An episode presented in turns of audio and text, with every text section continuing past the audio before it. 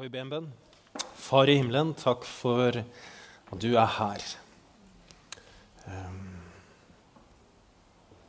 Jeg ber Herre om at du skal uh, åpne gardina litt inn til det som vi ikke ser vanligvis akkurat nå, sånn at vi kan se litt mer av hvem du er, og hva du gjør.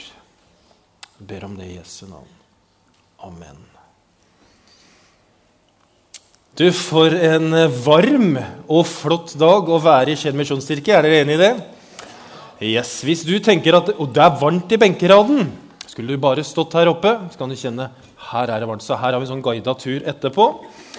Det er jo flott å ha med barnevelsignelse og medlemsopptakelse og BEAM og Arne Olav osv. Det er flott. På fredag formiddag klokka tolv da var jeg så heldig å stå her eh, og døpe en dame fra Iran. Eh, hun var oppvokst i en muslimsk familie, flykta til Norge og møtte Jesus på en helt radikal måte. Og nå på fredag så ble hun døpt her, i bassenget bak her, i Faderens, Sønnens og Den hellige ånds navn. Du, Du vet, Når vi døper baptistisk, eh, så begraver vi det gamle livet i graven, i vannet. Og så reiser vi det opp til et nytt liv i Jesus Kristus. Og det å se henne når hun ble reist opp, det, skulle jeg gjerne, det unner jeg deg å ha sett. For det var fantastisk å være med på. Men fordi hun kom fra Iran, og den situasjonen som er rundt henne og hennes familie, så måtte dette gjøres i hemmelighet. Men vet for Gud så var det ingen hemmelighet. Det var ingen hemmelighet for Gud hva hun gjorde i troen på Han. Etterpå så sier hun, når det, liksom, det gløder av øynene hennes, så sier hun 'Jeg kjenner det her inne'. Og så banker hun her. Og så har hun fått et nytt liv i Jesus Kristus. Vet du at Gud ser?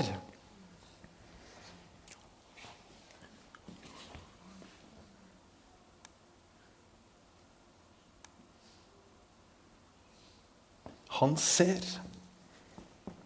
Og Guds nåde den er så mye større og mye mer enn det vi forstår, og det vi ser. Han ser så mye mer enn det du gjør.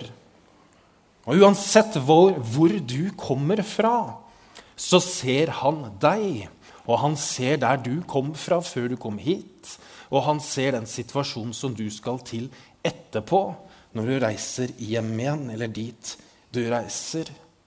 Og så kjenner han deg, og så kan han skape et nytt liv på et øyeblikk. Det er jo ikke alltid vi forstår det vi ser. Eh, Paulus han skriver til Korinterbrevet til korintermenigheten, og så skriver han Nå ser vi i et speil, i en gåte. Da skal vi se ansikt til ansikt, altså en gang. Nå forstår jeg stykkevis. Da skal jeg erkjenne fullt ut, slik Gud kjenner meg fullt ut. Alle vi som er her, vi ser jo sånn stykkevis og delt. Det gjør vi. Og så speiler vi oss i mye rart. Vi speiler oss i våre egne preferanser, det vi liker. Vi speiler oss i kulturen kanskje, og det vi leser på nett. Så speiler mange av oss oss i vennene våre, i familien vår, i oppvekst. Noen speiler seg jo i menigheten. Og så ser de hva de ser når de kommer inn, og så lurer de på om de kan være her. Men alle disse speilene og alt det vi speiler oss i, gjør at vi ser stykkevis og delt. Og en dag så skal Gud gjøre det sånn at vi ikke ser stykkevis og delt, dere. Men da skal vi se fullt ut. Og av og til så virker det som om Gud drar gardina fra det vi ikke kan se, lite grann. Sånn at vi ser noe som vi vanligvis ellers ikke ser. Og sånn var det for meg på fredag. Når jeg så to øyne som glitra og gløda, som jeg nesten ikke har sett før i hele mitt liv, fordi hun hadde opplevd noe nede i den dåpsgraven som ord ikke kan si noe om. De siste ukene så har jeg tenkt på det spørsmålet her. Hvorfor har vi menighet? Det starta litt med på mandag når jeg kom tilbake etter permisjon og gikk på kontoret halv åtte mandag morgen, og så gikk inn i drivhuset som var kontoret mitt. Så lurte jeg på hvorfor sitter jeg her liksom, når alle andre, hvorfor må jeg sitte inne når alle andre er ute. Eh, men hvorfor har vi menighet? Hva er det vi vil med det? Og hva er det Gud vil med det, egentlig? Hva vil han med meg? Midt oppi alt dette. Og så tror jeg at eh, av og til så er det sunt å stille seg det spørsmålet Hva vil du med meg, Gud? Hva vil du nå? Hva vil du jeg skal gjøre? Du har jo sett hvor jeg har vært på vei, og du vet hvor du er på vei. Og kanskje vi av og til må stille noen spørsmål. Er vi på, liksom, på rette kursen? Eller må vi stille om litt? Skal vi gjøre noen grep, kanskje? Eller skal vi fortsette? Vet du hva jeg drømmer om? Jeg drømmer om at vi som menighet skal ha varme, brennende hjerter for Jesus. At vi skal være sånne helhjertede hjertede Jesus-etterfølgere, hvor vi er varme i hjertet, og hvor vi, om ikke vi er kalde i hodet, så er vi i hvert fall kloke og forstandige i hodet. At vi våger å tenke noe nytt i forhold til hvordan vi formidler evangeliet. At vi våger noe risiko, selv når alt annet får oss til å tenke at nå må vi tenke på hva som er rasjonelt og fornuftig, men at vi våger risiko. Og så drømmer jeg om at vi skal våge våge å være nær de menneskene som er rundt oss. At vi våger å gi oss selv for andres beste. Jeg drømmer om en sånn sterk Jesus-lengsel og begeistring for han, og en sterk brann for de menneskene som er rundt oss. Og da drømmer jeg om at du og jeg tar noen nye initiativ. At vi våger å gjøre noe nytt. At vi våger å gå ut av komfortsonen vår. At vi tar noen steg. Lite grann. Og så går vi tilbake igjen. Og så tar vi noen nye steg ut. Og så går vi inn igjen til der vi føler oss vel. Og så går vi litt ut av komfortsonen igjen. Og så går vi tilbake. Og når vi har gjort det mange nok ganger, vet du hva som skjer da? Da øker vår komfortsone. Så da kan vi starte her, og så kan vi ta noen nye steg ut igjen. Og litt inn. Så betyr ikke det at du skal være utenfor din komfortsone hele tiden, for da, det er ikke godt for noen av oss. Men at vi tar noen nye steg for å møte mennesker der de er. På fint teologisk språk, vet du hva dette kalles for? Det kalles for å leve et misjonalt liv. Det er jo Noen som tror at når vi snakker om misjon, så er det en aktivitet. Altså det er noe vi gjør. Noe vi holder på med, liksom. På sida. Som lefsebaking eller bim. Og så har vi misjon. Men det er jo helt feil. Fordi misjon det er jo noe vi er. Og Derfor har man utvikla et begrep som heter misjonale menigheter. og Hvis du tenker at det er sånn nymoderne ord, så var det faktisk en som heter Carl Barth på 30-tallet som utvikla det for første gang. Og så har jeg tenkt å si noe om hva det er for noe. Eh, så må jeg beklage at jeg er litt sånn krøkkete skrevet, men misjonal menighet handler altså om at menigheten og vi som er i den, vi er sendt av Gud til verden for å leve i verden som Jesus-troende mennesker, hvor vi går i tro på det Gud gir oss og har gitt oss, hvor vi skaper arenaer hvor mennesker kan snakke om tro, og hvor vi utvikler en misjonal kultur i oss og mellom oss som gjør at det er naturlig å dele troen med andre. Det kjennetegner det å være en misjonal menighet. At vi har det som en sånn identitet. At det er helt naturlig for oss å dele troen med andre. Hvorfor er det sånn? Hvorfor kan jeg si det? Jo, fordi Gud han har gitt oss et oppdrag som vi kaller for misjon. Det å gi det videre. Og så er vi enkeltmennesker her.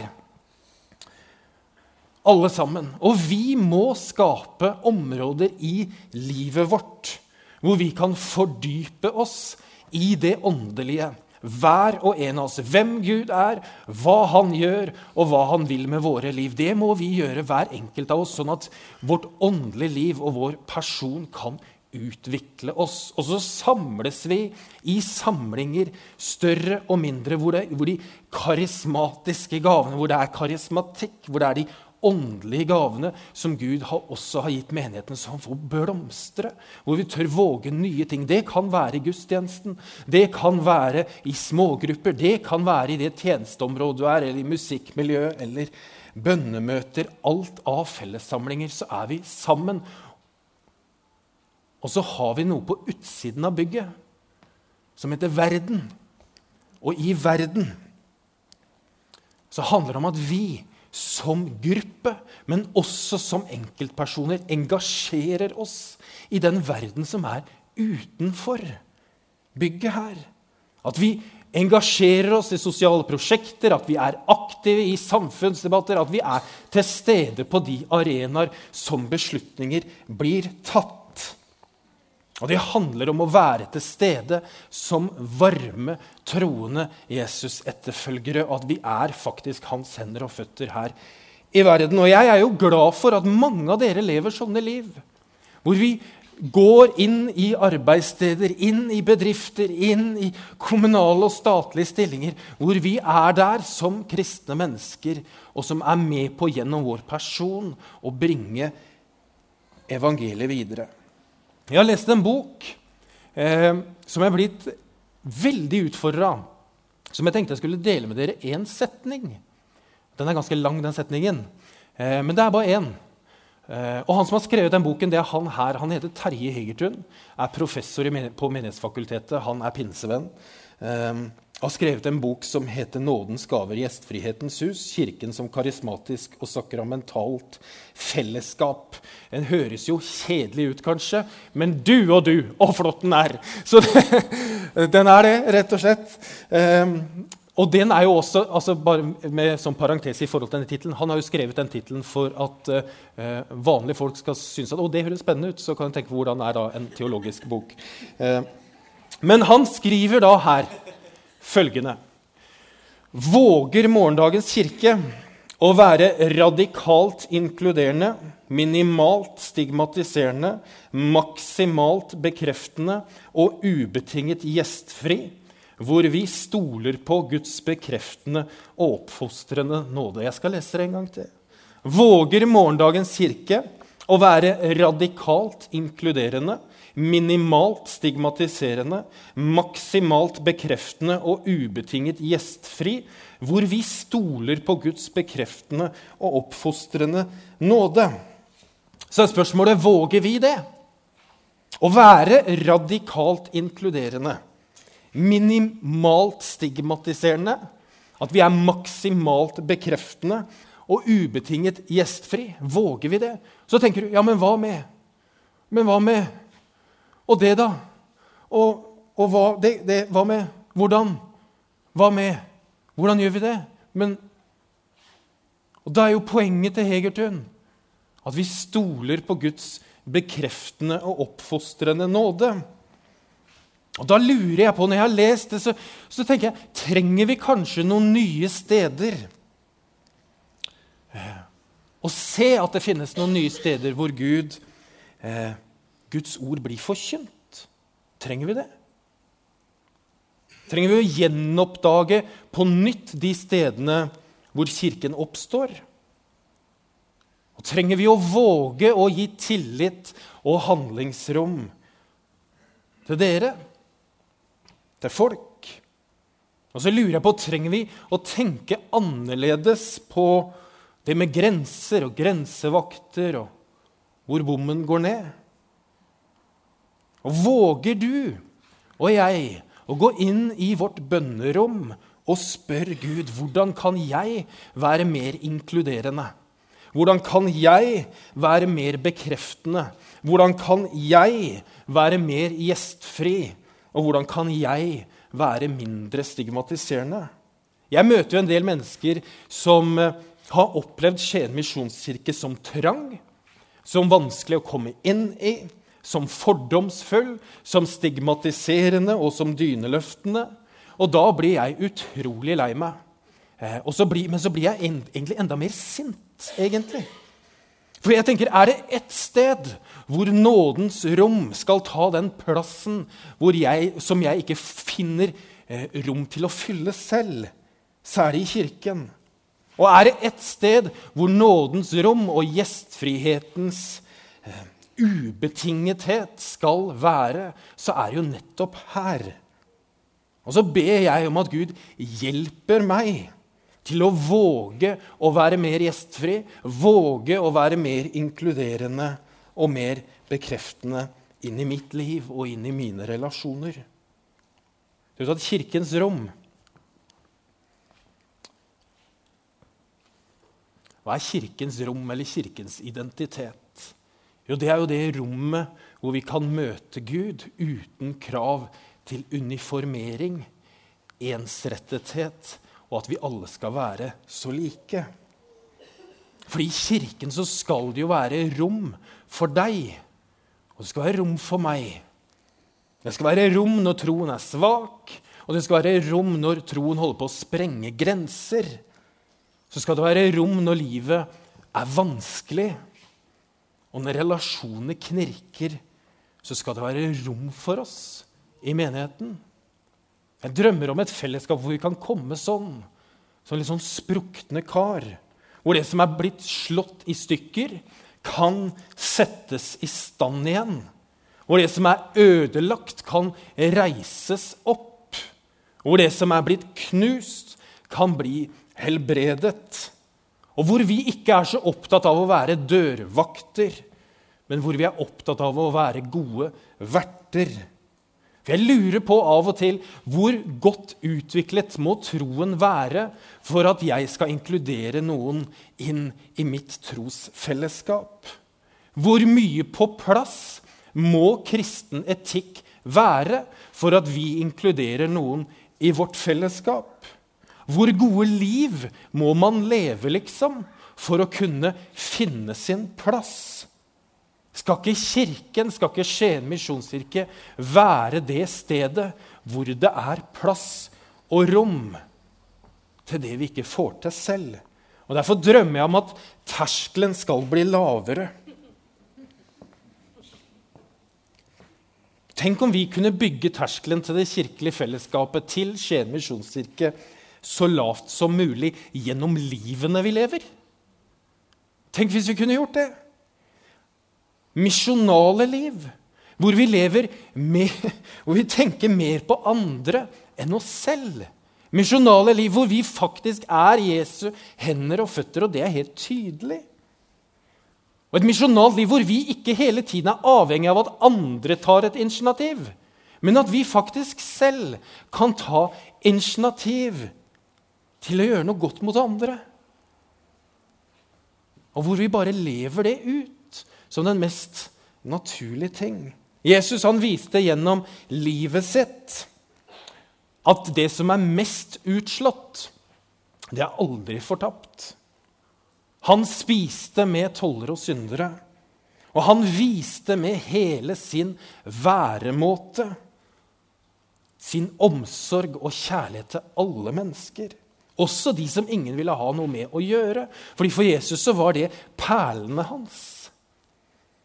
Og disse perlene de ble slipt, de ble oppfostret, de ble veiledet. De ble bekreftet. Og så ble de helhjertede Jesus-etterfølgere, kanskje alle sammen. Og vet du, du er en sånn perle i Jesu hånd, hvor han sliper deg, hvor han oppfostrer deg, hvor han bekrefter deg, hvor han utfordrer deg.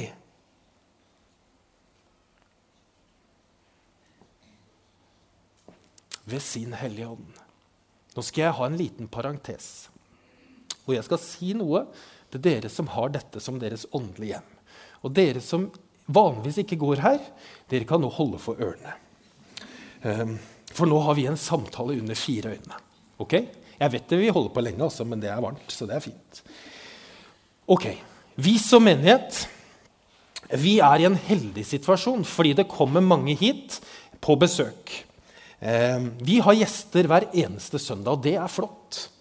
Eh, noen som ikke har vært her før. De kommer, mange kommer pga. rykter om det gode barne- og ungdomsarbeidet.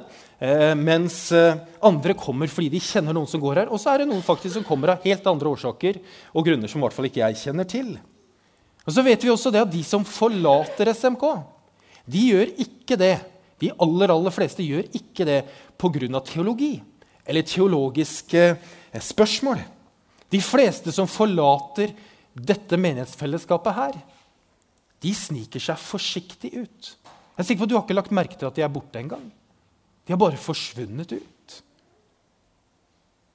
Hvorfor gjør de det? Jo, for de har ikke funnet noen venner her. De har ikke funnet noen relasjoner her. De har ikke funnet noe fellesskap. Og da kan jo jeg stå her uke etter uke og mase om åndelig fellesskap og Guds rike som menigheten her på jord. Og jeg kan jo male det til jeg blir grønn. Men hvis vi ikke har det godt her, hvis vi ikke har venner eller fellesskap her, da forlater vi menigheten. Og Johannes skriver eh, i sitt brev her Min kjære, jeg ønsker at du på alle vis får være frisk og ha det godt, like godt som du har det åndelig. Og jeg tror det at når vi snakker om menighet, så er det så utrolig lett å undervurdere sosiale fellesskap og vennskap og det å ha det godt. Av og til så er det jo en kamp for å komme inn i et miljø også her. Når, før jeg begynte å jobbe her, så gikk jeg her i flere år. Og vi, Jeg og min kone Maria vi kom hit for elleve år siden. Og vi kjempa beinhardt for å komme inn i miljøet det første året. Det var kjempevrient, men vi tenkte her skal vi inn. liksom. Så vi ga oss ikke og var med i alt mulig greier. Men det var kjempetøft. Og for andre så har det vært veldig lett å komme inn her. Eh, og for andre så gikk det ikke. Og de er ikke her. Og så er mitt spørsmål til deg sånn under fire øyne. Hvordan er din innstilling til nye mennesker i menigheten? Hva tenker du om det egentlig? Møter du dem? Hilser du på dem? Inviterer du dem hjem, kanskje? Kanskje ut på tur? Badetur? Eller tenker du Nei. Det gjør sikkert noen andre. Ja. De er mye bedre til det enn meg altså Jeg har jo egentlig nok med Jeg kunne sikkert hatt noen flere, men det, det, er mange som er mye bedre til å snakke med fremmede enn det jeg er. De vil jo heller sikkert ikke være sammen med meg. Nei, det kan jo godt hende at de ikke vil. Men det vet du jo ikke før du har spurt. Og så har jeg bare lyst til å si til deg du, at du kan. Du kan det. Du kan si Hei, jeg tror ikke jeg har hilst ordentlig på deg før. Det kan du si til en. Det er mulig. Vet du hvorfor du kan det? Fordi du har stemme. Da kan du si 'Jeg har ikke hilst ordentlig på deg før'. Vil du være med oss? Vi skal ut og bade etterpå. Det trenger vi. Har du lyst til å være med? Da risikerer du to ting. Det ene er at den sier nei. Da blir du kanskje letta. Og det andre er at den sier ja. Og da blir de med. Poenget med at jeg sier dette under fire øyne, er at dette er vårt felles ansvar. Og det er mye større enn det jeg på en måte vitser om, faktisk. Så det jeg har lyst til å be deg om er å tenke gjennom hvem du sitter med på kirkekaffen. Og tenk hvordan du sitter på kirkekaffen. Er det plass til noen flere? Er det rom? Er det mulig å komme inn? Eller er det et bur? Og hvis du har med gjester som ikke har vært der før, så må du presentere de for noen andre. Ikke sitt og vent på passivt at andre skal komme til ditt bord. Men ta i hånden og si 'Hei, jeg har med han. Ok. Det var min parentes. Ok? Da skal vi lande. Som jeg sa i starten, jeg drømmer om en menighet hvor vi brenner for Jesus og brenner for de menneskene som er rundt oss, og at vi går ut og gjør noe med det. Og da er det en bønn som jeg ber. Og det er 'Kom, Hellige Ånd' inn i mitt liv. Hjelp meg. Gi meg ord. Gi meg setninger. Gi meg det jeg trenger for å bli skal være. Og kom, Hellige Ånd, og gjør det du vil med vår menighet, for det er du som er Herre.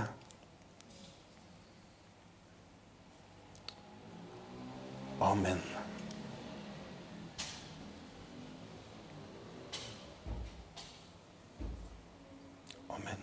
Vi skal straks feire nattvær. Og Når vi gjør det, så er, kan man se på nattverden på mange forskjellige vis. Men vi formidler at vi tror at nattverden er et fellesskapsmåltid mellom oss som tror, og Gud i himmelen. Eh, og når vi går til nattverd, så får vi faktisk en forsmak av Guds rike. Hvor vi kan se bakover på de som har gått foran, og hvor vi kan se fremover på det som ligger foran oss. Og når vi skal ha nattverd nå, så kommer det til å komme masse barn inn fra BIM, og det er veldig fint. Eh, og da kår vi opp, og så er det eh, oblater eh, i, som er glutenfrie på hver side, og så dypper du eh, i det begeret. Jeg har lyst til å be en bønn først. Herre, takk for at du vil oss vel. Takk for at du eh, ønsker oss bare godt. Jeg ber, Herre, om at du skal åpne våre øyne og våre hjerter, sånn at vi kan se hva vi har i troen på deg. Hjelp oss til å leve liv som er mer enn bare for oss selv. Hjelp oss til å leve liv som ærer deg. Og hjelp oss til å se at det vi har i dag, det er flott. Men det er så mye mer du har for hver enkelt av oss. Hjelp oss, Herre, til å våge å ta noen nye skritt ut av vår komfortsone. Fordi det kan bety så uendelig mye for de som vi går til. Tal til oss, Herre, i Jesu navn. Amen. Da kan de som skal være med og dele ut, de, skal, de kan komme frem.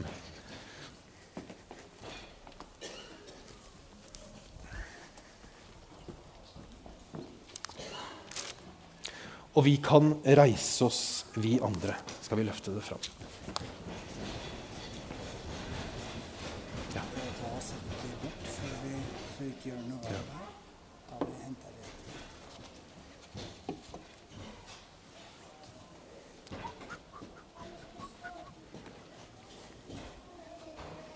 Det er det.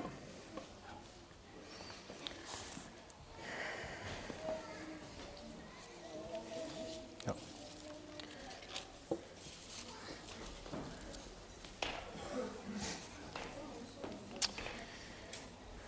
Da skal jeg lese fra 1. Korinterbrev, kapittel 11, hvor det står For jeg har mottatt fra Herren det jeg også har gitt videre til dere. I den natt da Herren Jesus ble forrådt, så tok han et brød. Han takket, han brøt det. Og så sa han, 'Dette er min kropp, som er for dere. Gjør dette til minne om meg.' Og på samme måte så tok han begeret etter måltidet og sa, 'Dette begeret er den nye pakt i mitt blod.' Hver gang dere drikker av det, gjør det til minne om meg. For hver gang dere spiser dette brødet og drikker av begeret, forkynner dere Herrens død helt til Han kommer. Skal vi be. Far i himmelen.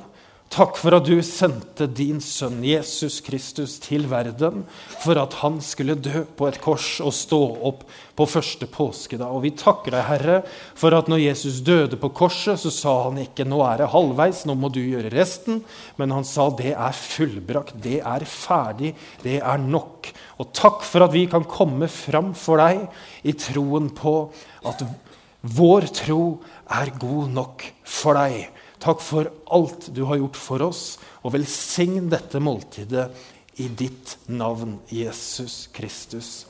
Amen.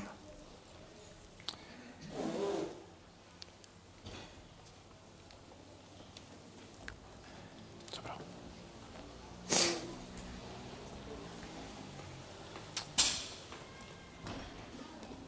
Da sier vi 'kom frem', for alt er ferdig på den. Jeg må bare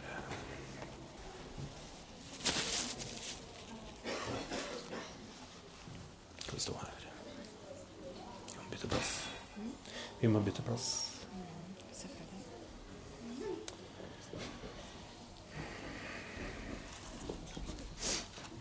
Samfunn med Jesu legeme. Samfunn med Jesu legeme.